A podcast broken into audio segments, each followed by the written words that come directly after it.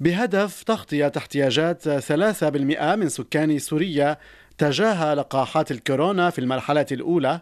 سلمت مبادرة كوفاكس سوريا البارحة أول دفعة من لقاحات الكورونا إذ وصلت إلى دمشق 203 ألاف جرعة من لقاح أسترازينيكا بينما وصلت 53800 جرعة أخرى إلى محافظة إدلب ومحيطها حيث سيطرت الفصائل المقاتلة.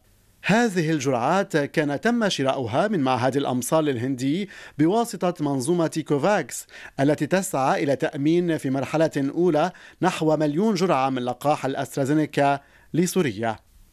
معي في مقابلة اليوم جوليات توما المديرة الإقليمية للإعلام في مكتب اليونيسف في الشرق الأوسط وشمال أفريقيا.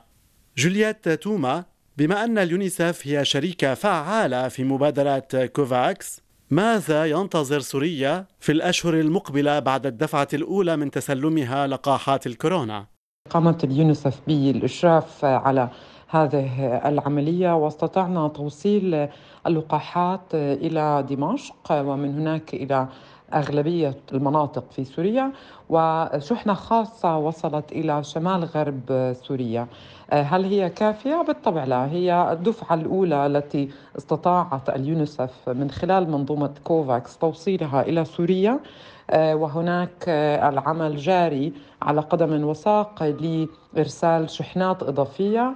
الهدف الآن هو توصيل اللقاح للعاملين على خط الدفاع الأول بالذات في القطاع الصحي وبعد ذلك إلى المسنين أو الذين يعانون من الأمراض المزمنة مع العلم أننا نبغي من خلال كوفاكس الوصول إلى 20% من السكان في كافة أنحاء سوريا جوليات توما تهدف منظومة كوفاكس إلى ضمان التوزيع المنصف للقاحات الكورونا على البلدان الفقيرة.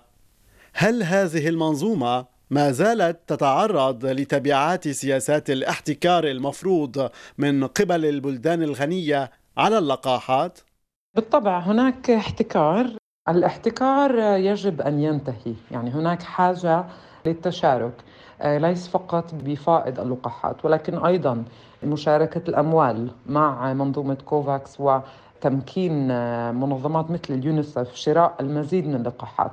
هناك حاجة للشركات التي تقوم بتصنيع اللقاحات حول العالم بمشاركة ما يسمى بالملكية الفكرية العلمية أي مشاركة معادلات اللقاح مع شركات أخرى. من أجل تمكين أولئك الشركات أيضا آه، إنتاج وتصدير المزيد من اللقاحات. كصورة شاملة لما حققته منظومة كوفاكس لحد اليوم قامت منذ الثالث من آذار مارس الفائت بتسليم أكثر من خمسة ملايين جرعة من لقاحات الكورونا إلى منطقة الشرق الأوسط وشمال أفريقيا. كما قامت المنظومة بالإضافة إلى ما زودت به سوريا بتزويد ما مجموعه 18 دولة باللقاح بما في ذلك إيران والعراق ولبنان والأراضي الفلسطينية المحتلة والسودان واليمن.